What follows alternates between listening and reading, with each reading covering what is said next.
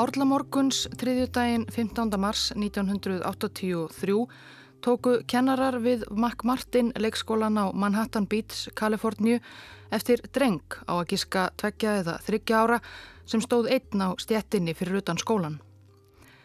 Kennararnir fylgdu honum inn. Þeir náðu ekki upp úr drengnum orði en hann var með miða sem útskýrði málið. Móður drengsins Judy Johnson var nýlega skilin við föður hans og eldri bróður hans 8 ára var með krabbamein í heila og ekki hugað líf. Judy Johnson hafði ítrekkað reyndað koma Matthew litla að í McMartin skólanum sem þótti einn besti leikskóli Manhattan Beach án árangurs. Það var alltaf allt fullt. En hún varða geta komist í vinnu til að sjá fyrir sér og drengjunum. Hún greip því til þess ráðs að skilja Matthew eftir fyrir utan og keira á brott. Kennararnir á McMartin gáttu ekki annað en tekið við drengnum. Það var greinilegt að móðurinn var örvendingarfull og ekki var hægt að skilja drengin eftir einan þarna á stjettinni. Engan grunaði þá hvaða áhrif vera Matthews litla í leikskólanum átti eftir að hafa. Ekki aðeins á hann og móður hans heldur einni kennarana á McMartin leikskólanum og fjölda annara og í raun á bandarist samfélag allt.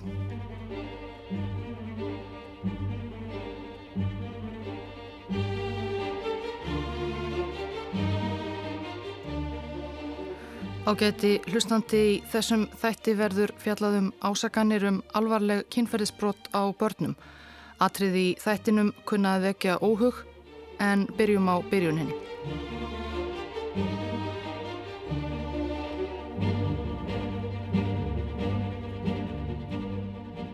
Manhattan Beach er borgað nafninu til en í raun og veru verður hún þó að teljast vera hverfi í stórborginni miklu sem umlikur hana Los Angeles. Þetta er eitt af mörgum snirtilegum sjálfstæðum samfélögum við Suðurströnd Santa Mónika flóa rétt suður af Los Angeles flúelli. Í búarum 30.000 lang flestir þeirra kvítir á hörund og velstæðir nú sem og þegar þessi saga hefst í upphafi nýjunda áratögarins. Gjarnan fólk sem vann annar staðar í Stórborginni í leitað rólegri dvalarstað við sjáarsíðuna, svona smábæðir stemmingu.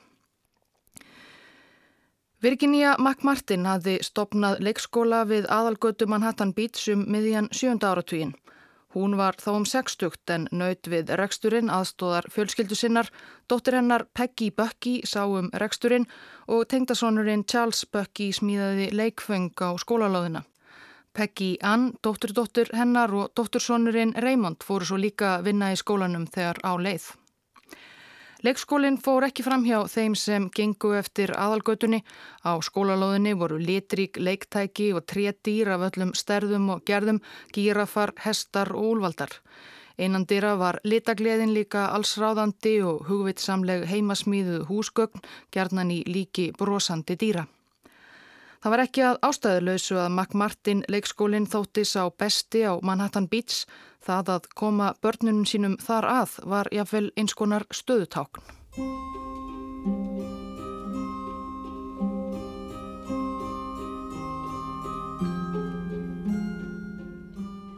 Judy Johnson kom vissulega að ná í matlittla svonsinn í lokdags 15. mars 1983 og með semingi ákvað Virginia McMartin að leta undir með móðurinni og skrá strákin formlega í skólan en ef það var Judy Johnson einhver léttir þá, þá varði hann ekki lengi.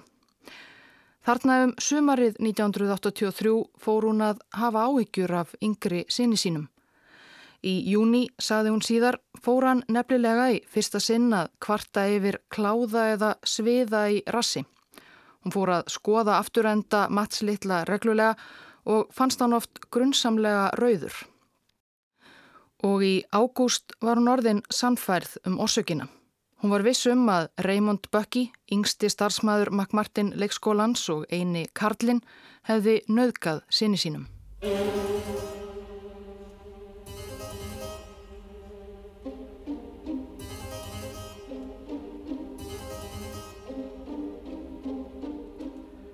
Raymond eða Ray Bucky, sonur Peggy og Charles Bucky, dóttursonur Virginíu McMartin, var 25 ára sumarið 83. Hann hafði nýhafið störfi í leikskólanum, fjölskyldu hans til nokkurs letis.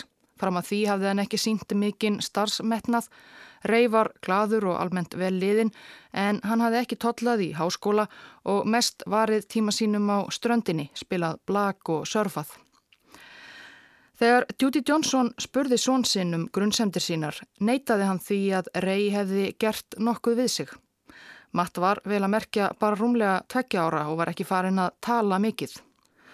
En eftir ítrekkaðar spurningar að sogn Johnson saði Matt loks að Rey hefði einhverju sinni mælt sig, hvort hann væri með hitta. Judy Johnson grunaði hvað það þýtti í raun og hún ringdi í laurugluna.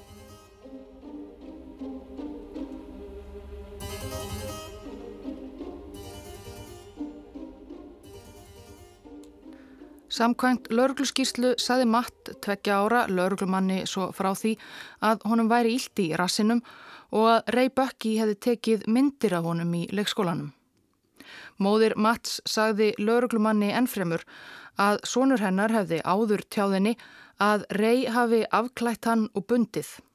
Við rannsókn á spítala skráði læknanemi á vakt að Matt væri rauður og með skrámur á rassinum.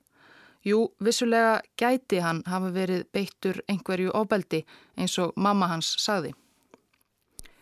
Ray Bucky brast í grát þegar lögregla tilkynnti honum um ásakanirnar. Hann neytaði öllu. En Judy Johnson var sífælt að fá fleiri hryllilegar frásagnir upp úr sinni sínum.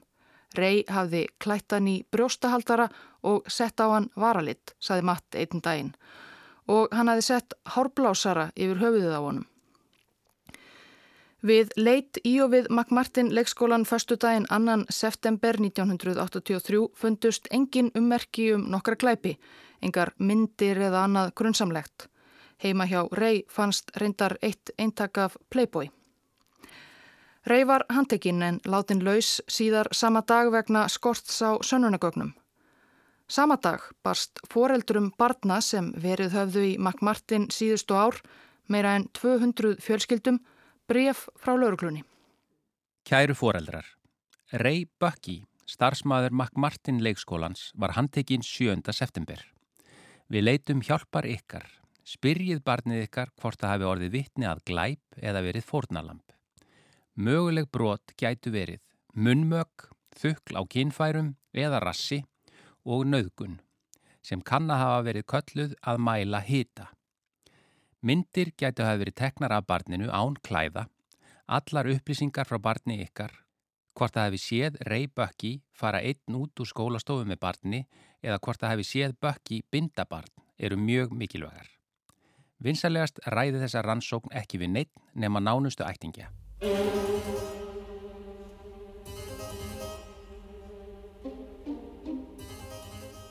Það var eins og kveikt hefði verið í. Samfélagið á Manhattan Beach logaði í það minsta símalínutnar. Fáir af þeim sem fengu brefið fóru að fyrirmælum um að ræða það ekki við aðra. Fóreldrar barna í McMartin leikskólanum rætust við í sífellu. Gat þetta verið satt? Já, hafði þessi rey ekki alltaf verið eitthvað grunnsamlegur? Hvaða Karl vildi vinna á leikskóla fyrir það fyrsta? Og fóreldrarnir gerðu svo eins og þeim var sagt, spurðu börnin sín skiljanlega frávita af áhyggjum og óvissu hvað ef eitthvað hræðilegt hafði hent þeirra börn. Strax eftir helgina ringdu mæður tvekja stúlkna í McMartin í laurugluna. Stúlkunnar hafðu líka talað um að rey hefði bundið þær og leikið við þær eitthvað sem þær kolluðu hestaleik. Fleiri símtöl frá foreldrum fylgdu. Dagarni liðu og framburður barnana, flest á aldrinum tvekja til fjögura, varð sífelt alvarlegri. Rey hafði nöðgað þeim, Rey hafði neitt þau til munmaka, Rey hafði bundið þau, Rey hafði tekið myndir og Rey var handtekinn á nýjanleik. Börn sögðust einnig hafa séð Rey nýðast á öðrum börnum sem þau nafngreindu.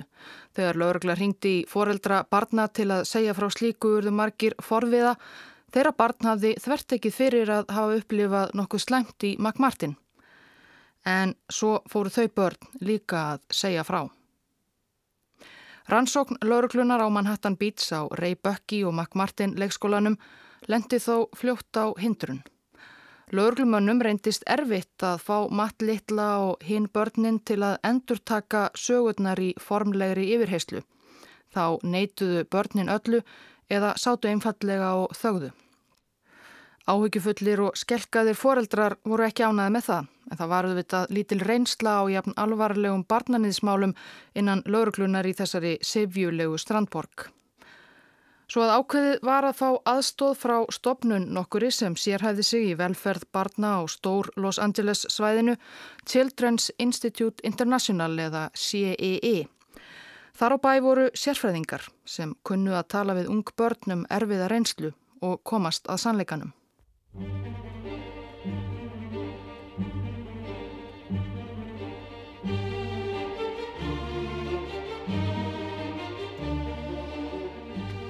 ofanverðri 20. öld varð vitundarvakning í bandaríkunum og fleiri vestrænum ríkjum um ofbeldi gegn börnum, umfangi þess og afleðingum. Ofbeldi sem börn voru beitt af ættingum og öðrum nákomnum varð ekki lengur bara engamál innan vekkja heimilana heldur samfélagsmál. Hvernig ætti að vernda börnin og hvað ætti að gera við gerendur, refsa þeim eða reyna að lækna þá af ofbeldisnegð? Bandarísk yfirvöld fóru í auknum mæli að rannsaka misnótkunarmál og sækja gerendur til saka. Í kjölfarið fjölgaði mjög tilkynningum um ábeldi gegn börnum frá læknum, kennurum og áhyggjufullu fólki út í bæ. Í upphafi 8. áratugar var talað um í pressunni að faraldur ábeldis gegn börnum geisaði í bandaríkunum. Mikinn mannskap þurfti til að sinna öllum þessum málum, öllum þessum börnum og fjölskyldum sem áttu um sárt að binda. Nýtt fólk flyktist að málafloknum, ekki bara laurglumenn og læknar og geðlæknar eins og verið hafði, heldur einning í auknumæli sálfræðingar og félagsráðgjafar. Kathleen McFarlane, kölluð Key, var í listnámi við háskólan í Arizona þegar 23 ára 1970. Hún fór að vinna á heimili fyrir börn sem höfðu verið tekin af foreldrum vegna vannrækslu eða ábeldis. Það var erfið vinna, börnin voru mörg illa farin, en þau hreyfðu við Kíma Kvarlin sem ákvaði að gefa listina upp á bátinn og helga sig því að hjálpa bástötum börnum. Um fimm árum síðar var hann komin með gráðu í félagsráðgjöf og meðfram því að vinna með ímsum kvenréttinda hreyfingum var hún farin að fikra sig átt að því að sérhæfa sig í kynferðislegu ábeldi gegn börnum. Vegna þess hver tilkynningum fjölkaði og starfandi sérfræðingar voru enn fáir var það ekki sérstaklega erfitt. Eftir nokkur ár hjá stopnun sem barðist gegn barnanýði í Washington flutti hún til Los Angeles í byrjun nýjunda áratögarins þar sem hún fekk vinnu hjá gamalgróinni stopnun. Children's Institute International hafi barist gegn líkamlegu ábeldi gegn bornum í Los Angeles frá því byrjun 20. aldar. En bara nýlega voru starfsmenn farnir að beina sjónum að kynferðisleguri misnótkun einnig. Kíma Kvarlen var þá skipuð yfir kynferðisbrótadeild CII.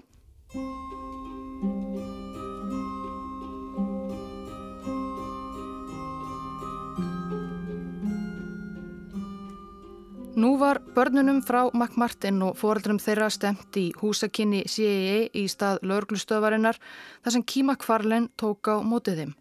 Viðtöl við börnin fóru fram í litríku herbergi sem var fullt af leikfengum og húsgögnum í barnastærð. Kímak Farlen sjálf og samstarfskonur hennar á CIA voru yðurlega klættar í gladlega liti, frekar trúðslegar í ósamstæðum sokkum og svo leiðis í vonum að það fengi börnin til að slaka frekar á í návistera og opna sig.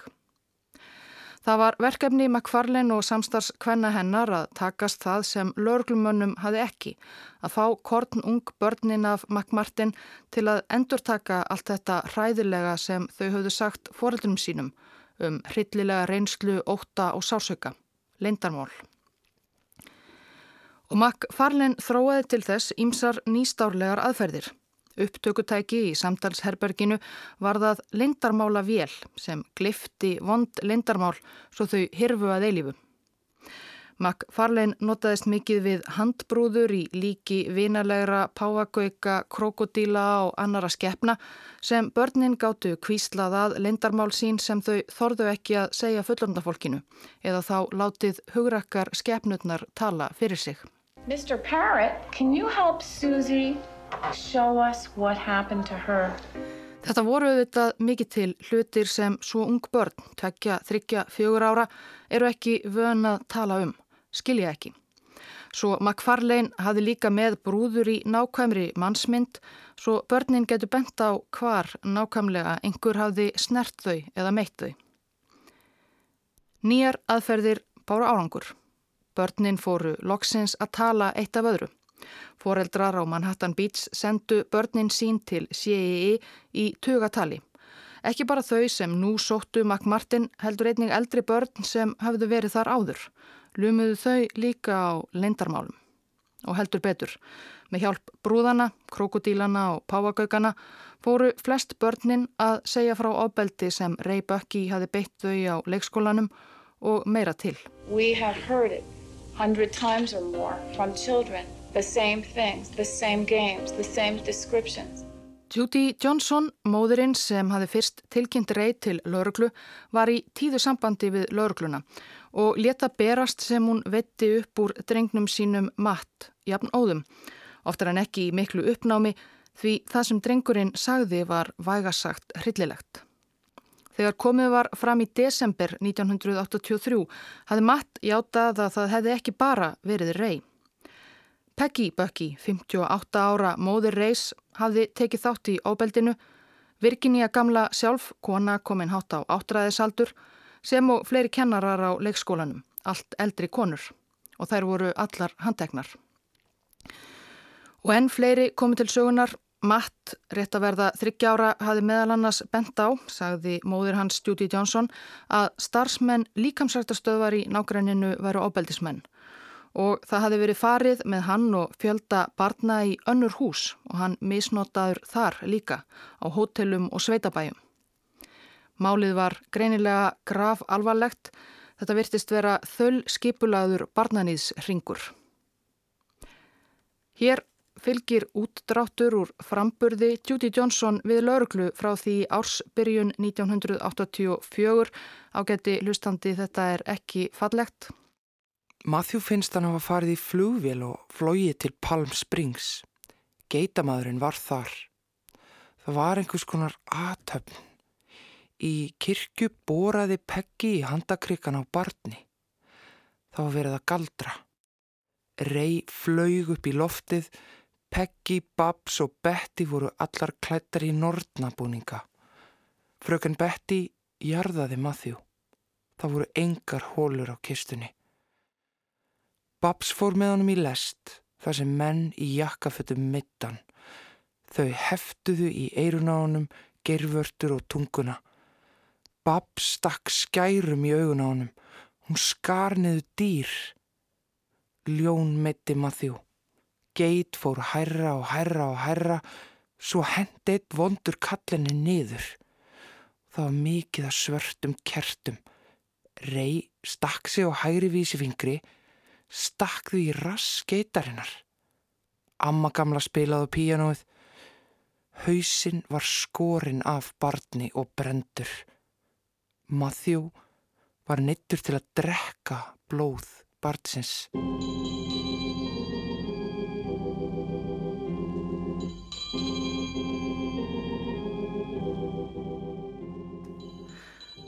Viti menn, eitt af öðru fóru fleiri börn úr McMartin að segja frá álíka ófögnuði sem þau höfðu þurft að þóla. Ekki bara af hendi reys heldur allarar fjölskyldunar sem rak leikskólan, kennaranna og ímissa ókunnura ekki bara í leikskólanum, heldur hér og þar annar staðar. 1984 talaði starfsfólk Children's Institute International við ríflega 400 börn tengd McMartin. Af þeim taldi það höfðu 369 verið misnótuð og þó aldrei fyndust neyn sönnunargögn á leikskólanum sjálfum, rannsökuðu læknar á vegum CEE líkama barnana og töldu sig finna ummerki um misnótkun og óbeldi, skrámur og marbletti. Rannsókn lauruglu á svo umfangsmiklu og viðkvæmu máli átti að fara svo leint sem mögulegt væri. En það var auðvitað erfitt þegar foreldrar barna á Manhattan Beach töluðu ekki um annað. Í februar 84 byrtist fyrsta fréttin. It started out here in Manhattan Beach looking like an isolated incident. One mother noticed that her young son was having nightmares and difficulty sitting down. Authorities now believe that at least 60 young children were victimized and that the ultimate number could well be much greater. Það sakaði heldur ekki að Wayne Satz, sá sem skúpaði fréttinni á staðarfréttastöðinni, var kærasti Kíma Kvarlin, sérfræðings CIE og fekk þannig allar nýjustu og mest krassandi upplýsingarnar. Von Bráðar ómöðu fréttir um viðurstykkilega glæpi nýðringsins á Manhattan Beach um öll bandaríkin. A case which has shocked much of Southern California and caused a lot of parents to worry about the safety of their children. In alarming numbers, preschoolers have been exploited. Could it be your child? Ein af metsölubókum ársins 1980 í Norður Ameríku var Michelle Remembers Michelle Mann eftir kanadískan geðleikni Lawrence Pastor. Í bókinni segir hann sögusjúkling sem leitaði til hans fyrst árið 1973. Michelle Smith var þá um 25 ára og þjáðist af þunglindi. Eftir þrjú ári meðferð fór Michelle að dreyma illa. Eitthvað var að plaga hana en hvað það var vissi hún ekki. Pastir brá á það ráða dáleiða hana og þá fór það að vella upp úr henni dáleitt gatt Michelle með skrækri barnsröttu sagt frá því sem hún hafi bælt niður og haldið lendu í áratugi en lendist í undirmeðvitund hennar. Þegar hún var kornungstúlka í Bresku Kolumbíu var Michelle beitt nær ólýsanlega hræðilegu ábeldi af foreldrum sínum, öðrum ættingum og ókunnugum. Hún var bundin, barinn, brent og skorinn, henni nöðgað og hún neitt til að horfa upp á önnur börn, pintuð, limlest og myrt. Fjölskylda hennar tilherði alþjóðlegum sértrúarsöfnuði satanista og pyntingarnar og mannfórnirnar voru hluti helgi aðtapna þeirra til dyrðar djöflinum. Þegar Michelle var aðeins fimm ára hafði henni verið haldið fangin í næri þryggja mánada langri aðtöfn til að særa fram kölska sjálfan en var bjargað á síðustu stundu þegar Mikael Erki Engil byrtist og læknaði sárhennar. Þetta kann alltaf hljóma ögn fjárstæðu kent en bókin Michelle Remembers var sett fram sem sönn saga. Lawrence Pasteur var í raun og veru geðleiknir og þau, Michelle, sem reyndar áttu eftir að gifta sig, komu bæði vel fram í fjölmiðlum. Pasteur fullirti að hann hefði sannanir fyrir fullirðingunum í bókinni, kathólska kirkjan stutu þau og þau fóru meira að segja á fund Páfa. Og bókin fjalli frjóan jarðvegg.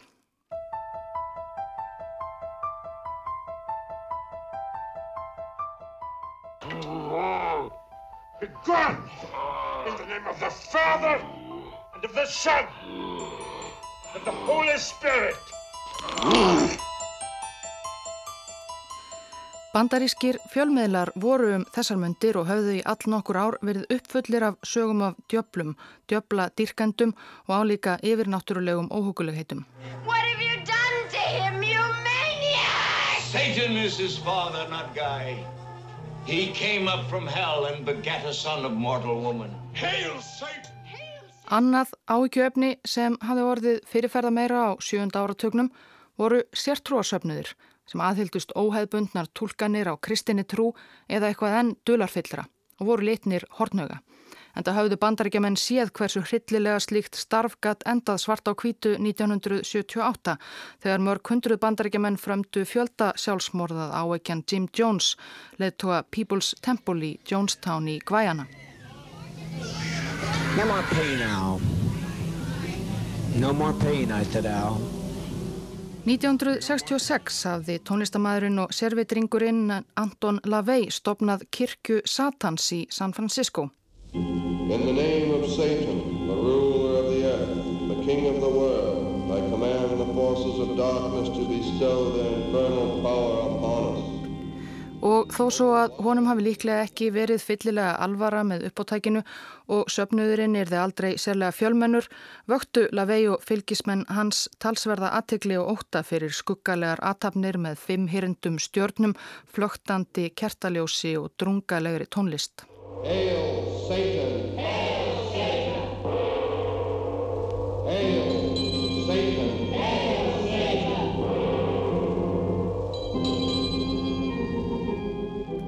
Allt blandaðist þetta saman í hugum áhyggjufullra bandarískra góðborgara og var það því sem síðar hefur verið kallað á ennsku Satanic Panic.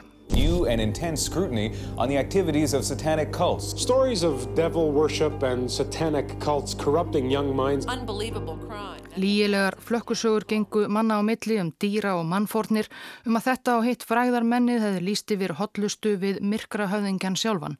Leinileg skilabóð var vitaskuldað finna í rocktónlist og dægurmenningu. Heavy metal music.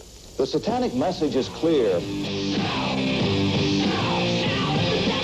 And the musical message comes across loud and clear. Það var því kannski skiljanlegt eftir mörg áraf slíku að lögreglan á Manhattan Beach sá ekki ástæðu til að evast um frásagnir Mats Littla og móður hans af förðulegum helgi atöfnum, limlestingum, dýra og barna. Og svo var það sálfræðin.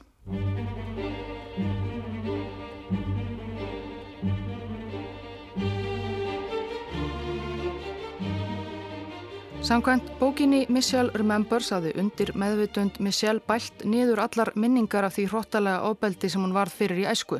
Þannig gæti hún lifað nokkuð eðlulegu lífi eftir að hún frelsaðist úr klóm satanistana og þar til að Pasteur leisti svo minningarnar aftur úr læðingi. Svo kenningað undir meðvitund fólks reyndi að verjast erfiðri reynslu með því að bæla niður minningar var ekki nýjaf nálinni en nöyð þegar þarna var komið sögu sífælt meiri hilli meðal sálfræðinga, geðleikna og sálgreina. Það var Sigmund Freud sjálfur sem setti kenninguna fram fyrstur snemma á ferlinum undir lok 19. aldar.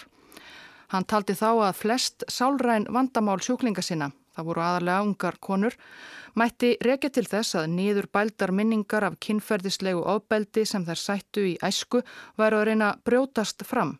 Með því að tæla minningarnar fram, til dæmis með dáleiðslu, væri hægt að komast að róta vandans og vinna að bata.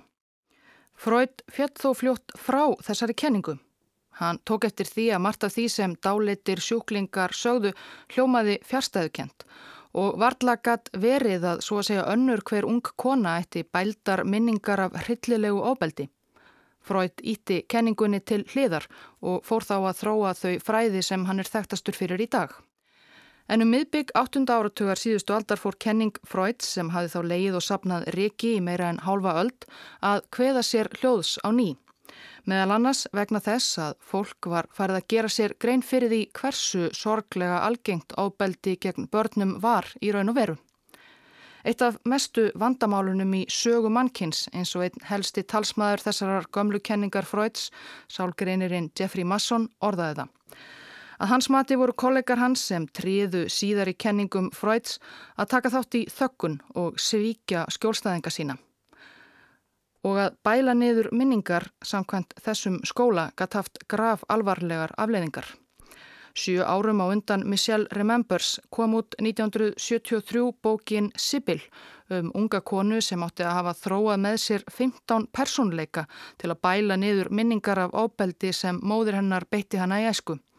Með framsækinni meðferð gatt sálgreinir hennar komist að minningunum og sameinað personleikana í eina helbreyða mannesku á nýjanleik.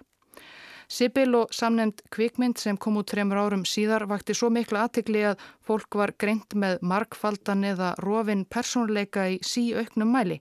Geðsjúkdóm sem fáinum árum áður hafi verið talin sára sjálfgefur, væri hann yfirleitt til í raun og veru. Sem eitt dæmi um afleiðingar þessa tíðaranda utan bandaríkjana má nefna þrjá þætti í ljósi sögunar um mál sænska klæbamannsins Stúri Bergvall eða Thomas Quick, hvers niðurbældu minningar af misnótkun áttu að hafa gert hann sjálfan að kaldrivjúðum morðingja, en málið var í raun aðeins flóknara.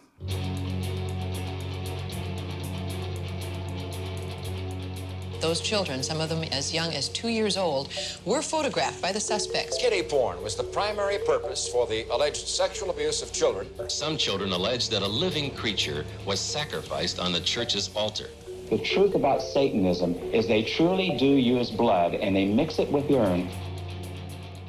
Sama hvað lauruglumenn leituðu í og við McMartin leikskólan á aðalgötu Manhattan Beach fannst ekkert blóð, hvorkjur mannin ég dýri, engin afhausuð hræ, engir aðrir líkamsvessar úr kynsvalli eða djöbladirkun, engar fimmhyrndar stjörnur, ekkert myndefni af misnótkun, ekkert ganga kerfi undir leikskólanum þar sem einhver börn sögðust hafa verið misnótuð eða verið flutt í gegnum á aðra staði.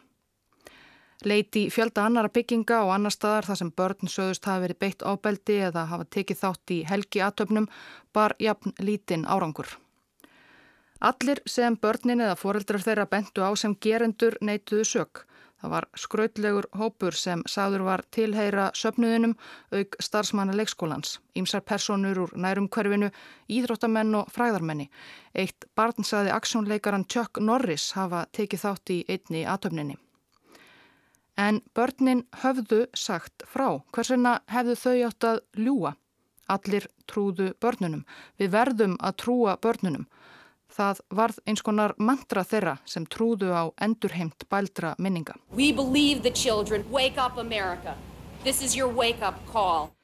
Samtölinn við krakka úr McMartin á CEE snýrist ekki bara um að toga upp úr þeim eitthvað sem óþægilegt var að tala um, heldur einmitt um að endurheimta minningar.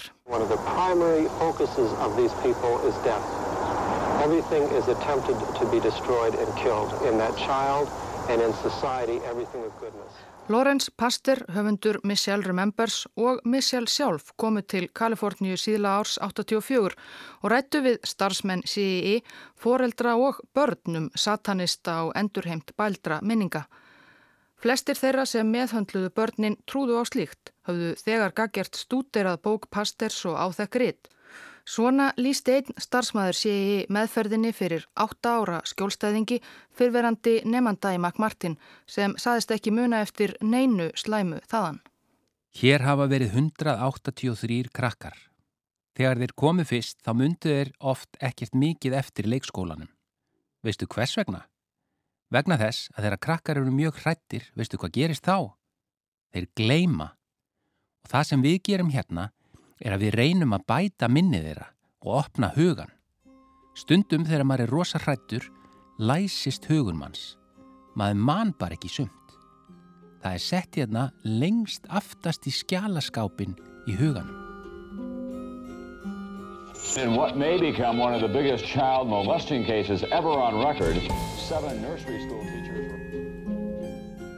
22. mars 1984 voru Virginia McMartin, dóttirinnar Peggy Bucky og barnabörn Ray og Peggy Ann á samt þremur kennurum við leikskólan Mary Jackson, Betty Reitor og Babette Spittler ákerð fyrir samtals 321 brot gegn 48 börnum. Málið var þó orðið gríðarstort að umfangi og sílaðist áfram í kerfinu. Tveimur árum síðar, 86, let nýr héraðsaksóknari ákærur á hendur 5 af 7 sagbortningum niður falla. Lítil sem engin haldbær sönnunagögn, saði hann. Bara Ray Bucky og móðir hans Peggy voru þá áfram í haldi. Réttarhöldi við þeim hófust 13. júli 1987. Búið var að skera málið talsvert niður. Ákæran aðeins í 65 liðum. Mæðgininn neituðu öllu. Did you ever molest any of those children? Never. No, Miss Rubin, I know that, that I did not molest children ever in my life. Málið snerist upp í algjöran fjölmiðlasirkus. Bandaríska pressan full af upprópunum um satanista og nýðinga, hryllingshúsið og djöblakirkjuna á Manhattan Beach. Börnin, þarna flest komin á grunnskólaaldur, voru leitt fyrir dóminn eitt af öðru og spurð út í hryllilegustu minningar lífsins enn og aftur dag eftir dag. What did they say the devil would do to you? They said that if we told that the devil would come and kill our parents. What were they doing to you? Molesting me, touching us in places we don't want. And then they would like threaten us like, oh, you don't say a word else we're going to come to your house and kill everybody. Þó var ljóst strax í upphafi réttarhaldana þegar kviðdómi voru síndar upptökur af samtölum Kíma Kvarlin og félaga á CII við börnin að þau hafðu spurt börnin ansi leiðandi spurninga á sínum tíma. Gat ekki verið að rey hafi gert þetta? Sástu einhver tíman einhvern gera svona? Fóruð aldrei svona leik? Var það ekki Peggy sem meiti þig? Til kvartingar var börnunum sagt að bara klárir krakkar gætu rifjað upp og í eða því að foreldrar þeirra erðu vonsviknir ef þau þegðu. Svona gekk það án afláts þar til börnin urðu þreytt eða ringluð og sögðu bara það sem sá fullortni vildi heyra til að geta komist heim eða haldið áfram að leika með krokodílinn. Réttarhöldin tóku þrjú ár. Kviðdómur tók sér nýju vikur til umhugsunar að málflutningi loknum. Loks 18. janúar 1990 var Peggy Bucky síknuð af öllum ákjærliðum en Ray Bucky aðeins af 52 af 65 þar sem tveir af 13 kviðdómurum hafðu ekki viljað síkna Ray af öllum liðum. Í mæ sama ár var réttað aftur yfir Ray í sex liðum en eftir nokkra mánaða málaflutning gatt kviðdómur aftur ekki komið sér saman um sekt eða sagleysi.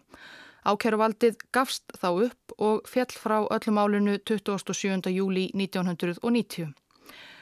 Mac Martin málið var þá fyrir nokkru orðið allra lengsta og dýrasta dómsmál bandarískrar sögu. Líf fjöldafólks hafði ekki snúist um annað í sjö ár og Ray Bucky hafði setið í varðhaldi í fimm ár. Nú vildi hann fá að vera í friði. Do you want to do in your life? I want to be left alone. I don't want to be in LA and I want to be left alone. Simple life.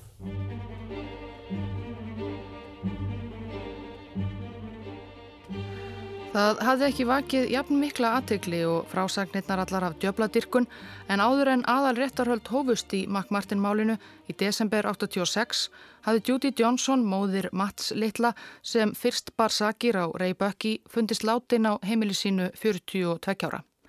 Banameinið reyndist vera livrarskadi Það var vitað mál að hún hafði árum saman átt í vandræðum með flöskuna. Það var líka vitað mál að hún hafði lengi strít við geðrænan vanda. Engu að síður efuðust menn aldrei um frásagnir hennar af mannfórnum og fljúandi fólki og geitum.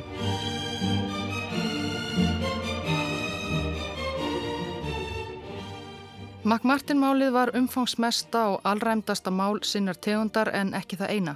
Skömmu eftir að það komst í hámæli var farið að rannsaka sjö leikskóla bara innan stór Los Angeles svæðisins vegna ásakana um nýðingskap. Næstu árin var starfsfólk leikskóla og dagheimila sótt til saka fyrir djöfulegt barnanýð um öll bandaríkin sem og í Kanada, Breitlandi og víðar. Það var á tímabili eins og satanistar hefðu tekið yfir annan hvern leikskóla. Einhver reiknaði út að samkvæmt fréttaflutningi hefðu mörg þúsund börnum verið rænt eða þau myrti helgi aðtöfnum djöbladýrkenda allt án nokkura beinharðra sönnunagagna. En það föðruðu mörg málin á endanum upp vegna skorts á sönnunum þó voru fjölmarkir fundnir sekir og þurftu að setja inn í einhver tíma.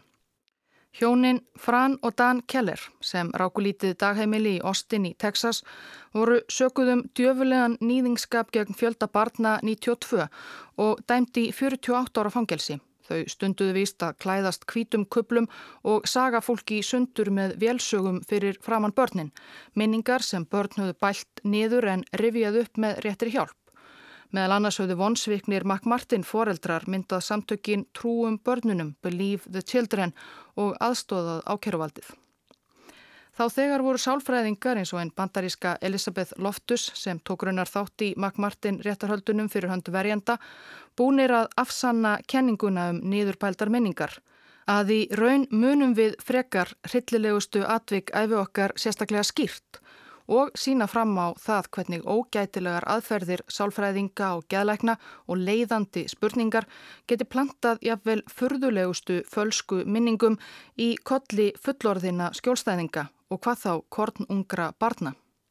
Hjónin Fran og Dan Keller sátu þó í fangilsi í 21 ár þar til þau voru loks látin laus 2017, laus allra mála.